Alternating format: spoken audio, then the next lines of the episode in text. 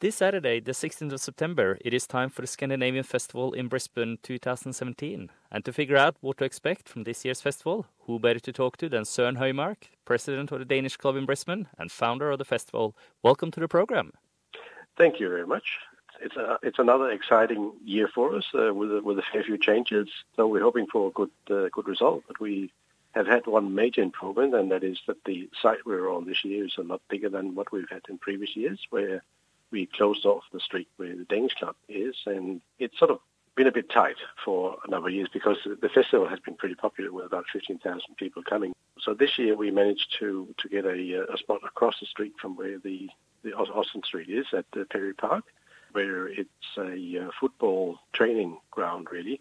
So it's on grass and it's a nice big area. So we're hoping that everybody will feel a lot more comfortable and can stay a bit longer than they have previous years. But it's uh, looking looking good. Yeah. We have a lot, a lot of good uh, stalls. There's a lot of food. We've been praised for the, the food that we've been putting on because all the clubs drum together all their volunteers to, to make something that's typical for their country.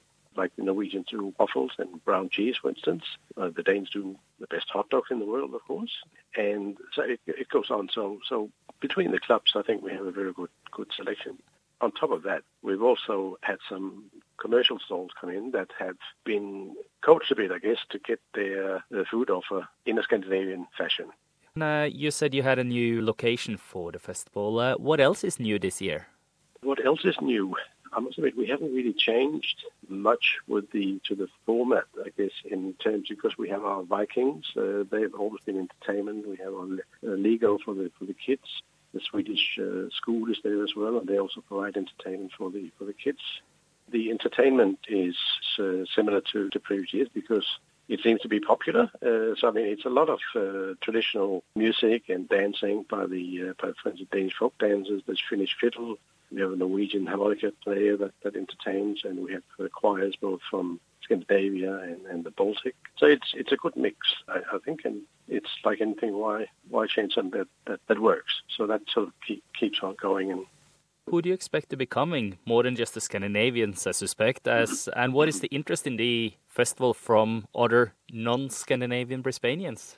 A, a, lot. I mean, um, uh, because there there are, are, only so many Scandinavians in, in Britain, of course, and uh, we've always uh, seen that a lot of Aussies uh, come come in and try the food, and they've always enjoyed the food, and there's good interest in, in just uh, catching all the different things because we have people coming up from from down south with uh, with uh, clothing, and uh, I think there's one we've had from Melbourne that's not coming this year. That's one of the doing Swedish teas, I think. But it's, a, it's just a general good mix of food that's interesting and inexpensive, and stuff that you, you wouldn't see elsewhere.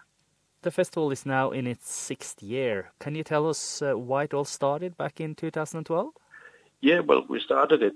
It was an initiative by the Danish Club because at that in that year we turned uh, 140, and uh, previous sort of celebrations had involved like a black tie dinner or something like that, and I thought that was too boring, so now we're going to do something. So the, the first thing was to, to have a big street party, and then we sort of said, now we should make it like a big one with, with our brothers and sisters from, from Scandinavia. So we invited the Swedish and Norwegian club to join, and they were keen to do that. So that was how it all started.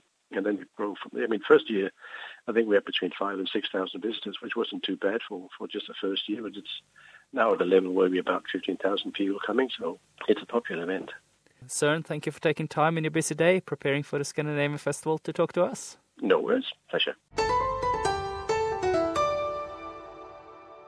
You can visit the Scandinavian Festival on Saturday, the 16th of September in Perry Park, Bowen Hills in Brisbane, and it is open from 10 a.m. to 4 p.m. If you want more information, you can go to scandinavianfestival.com.au.